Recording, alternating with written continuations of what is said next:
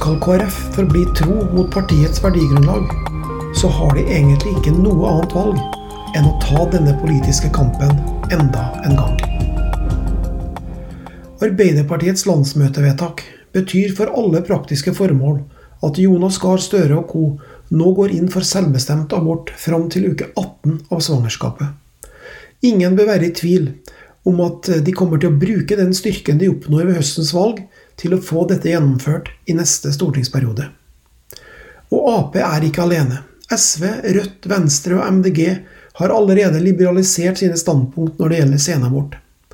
Alle disse partiene vil kjempe for at fosteret i mors mage fritt skal kunne avlives enda lenger ut i svangerskapet enn i dag. Denne politiske utviklingen medfører at valget i september også blir et skjebnevalg for det ufødte liv.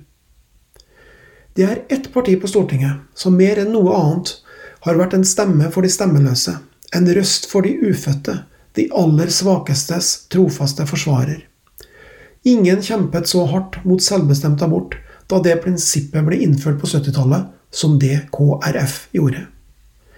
Vi har sett det samme engasjementet også de siste årene. I regjeringsforhandlingene for to år siden gjorde KrF det de kunne for å forhindre tvillingabort, og for å få endret sorteringsparagrafen 2c i abortloven. Og så sent som i fjor vår kjempet KrF en heroisk kamp mot de alvorlige endringene som ble vedtatt i bioteknologiloven. De velgerne som er opptatt av å verne om menneskelivets ukrenkelighet, vet at de kan stole på KrF. Men man er samtidig fullt klar over at livsvernkampen har blitt en stadig hardere fight å stå i. Den personlige belastningen øker i takt med at skjellsordene og personkarakteristikkene har blitt grovere. Likevel er det nå grunn til å be KrF om å mobilisere for de ufødte enda en gang. Enkelte mener at engasjementet i abortsaken er med på å svekke partiets oppslutning. Det er vi ikke enig i. Tvert imot tror vi at mange misforstår hvor avgjørende KrFs standpunkt i abortsaken faktisk er for stemmegivningen til mange kjernevelgere. Man er kanskje ikke alltid imponert over de standpunktene partiet tar i små og store saker i den løpende politiske debatten. Men når man står der bak gardinen i valgavlukket og skal plukke ut stemmeseddelen, så er det nok mange som tenker som så.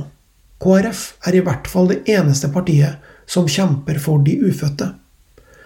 Så viser faktisk meningsmålinger at det er en ganske stor minoritet i Norge som er i opposisjon til den gjeldende abortlovgivningen.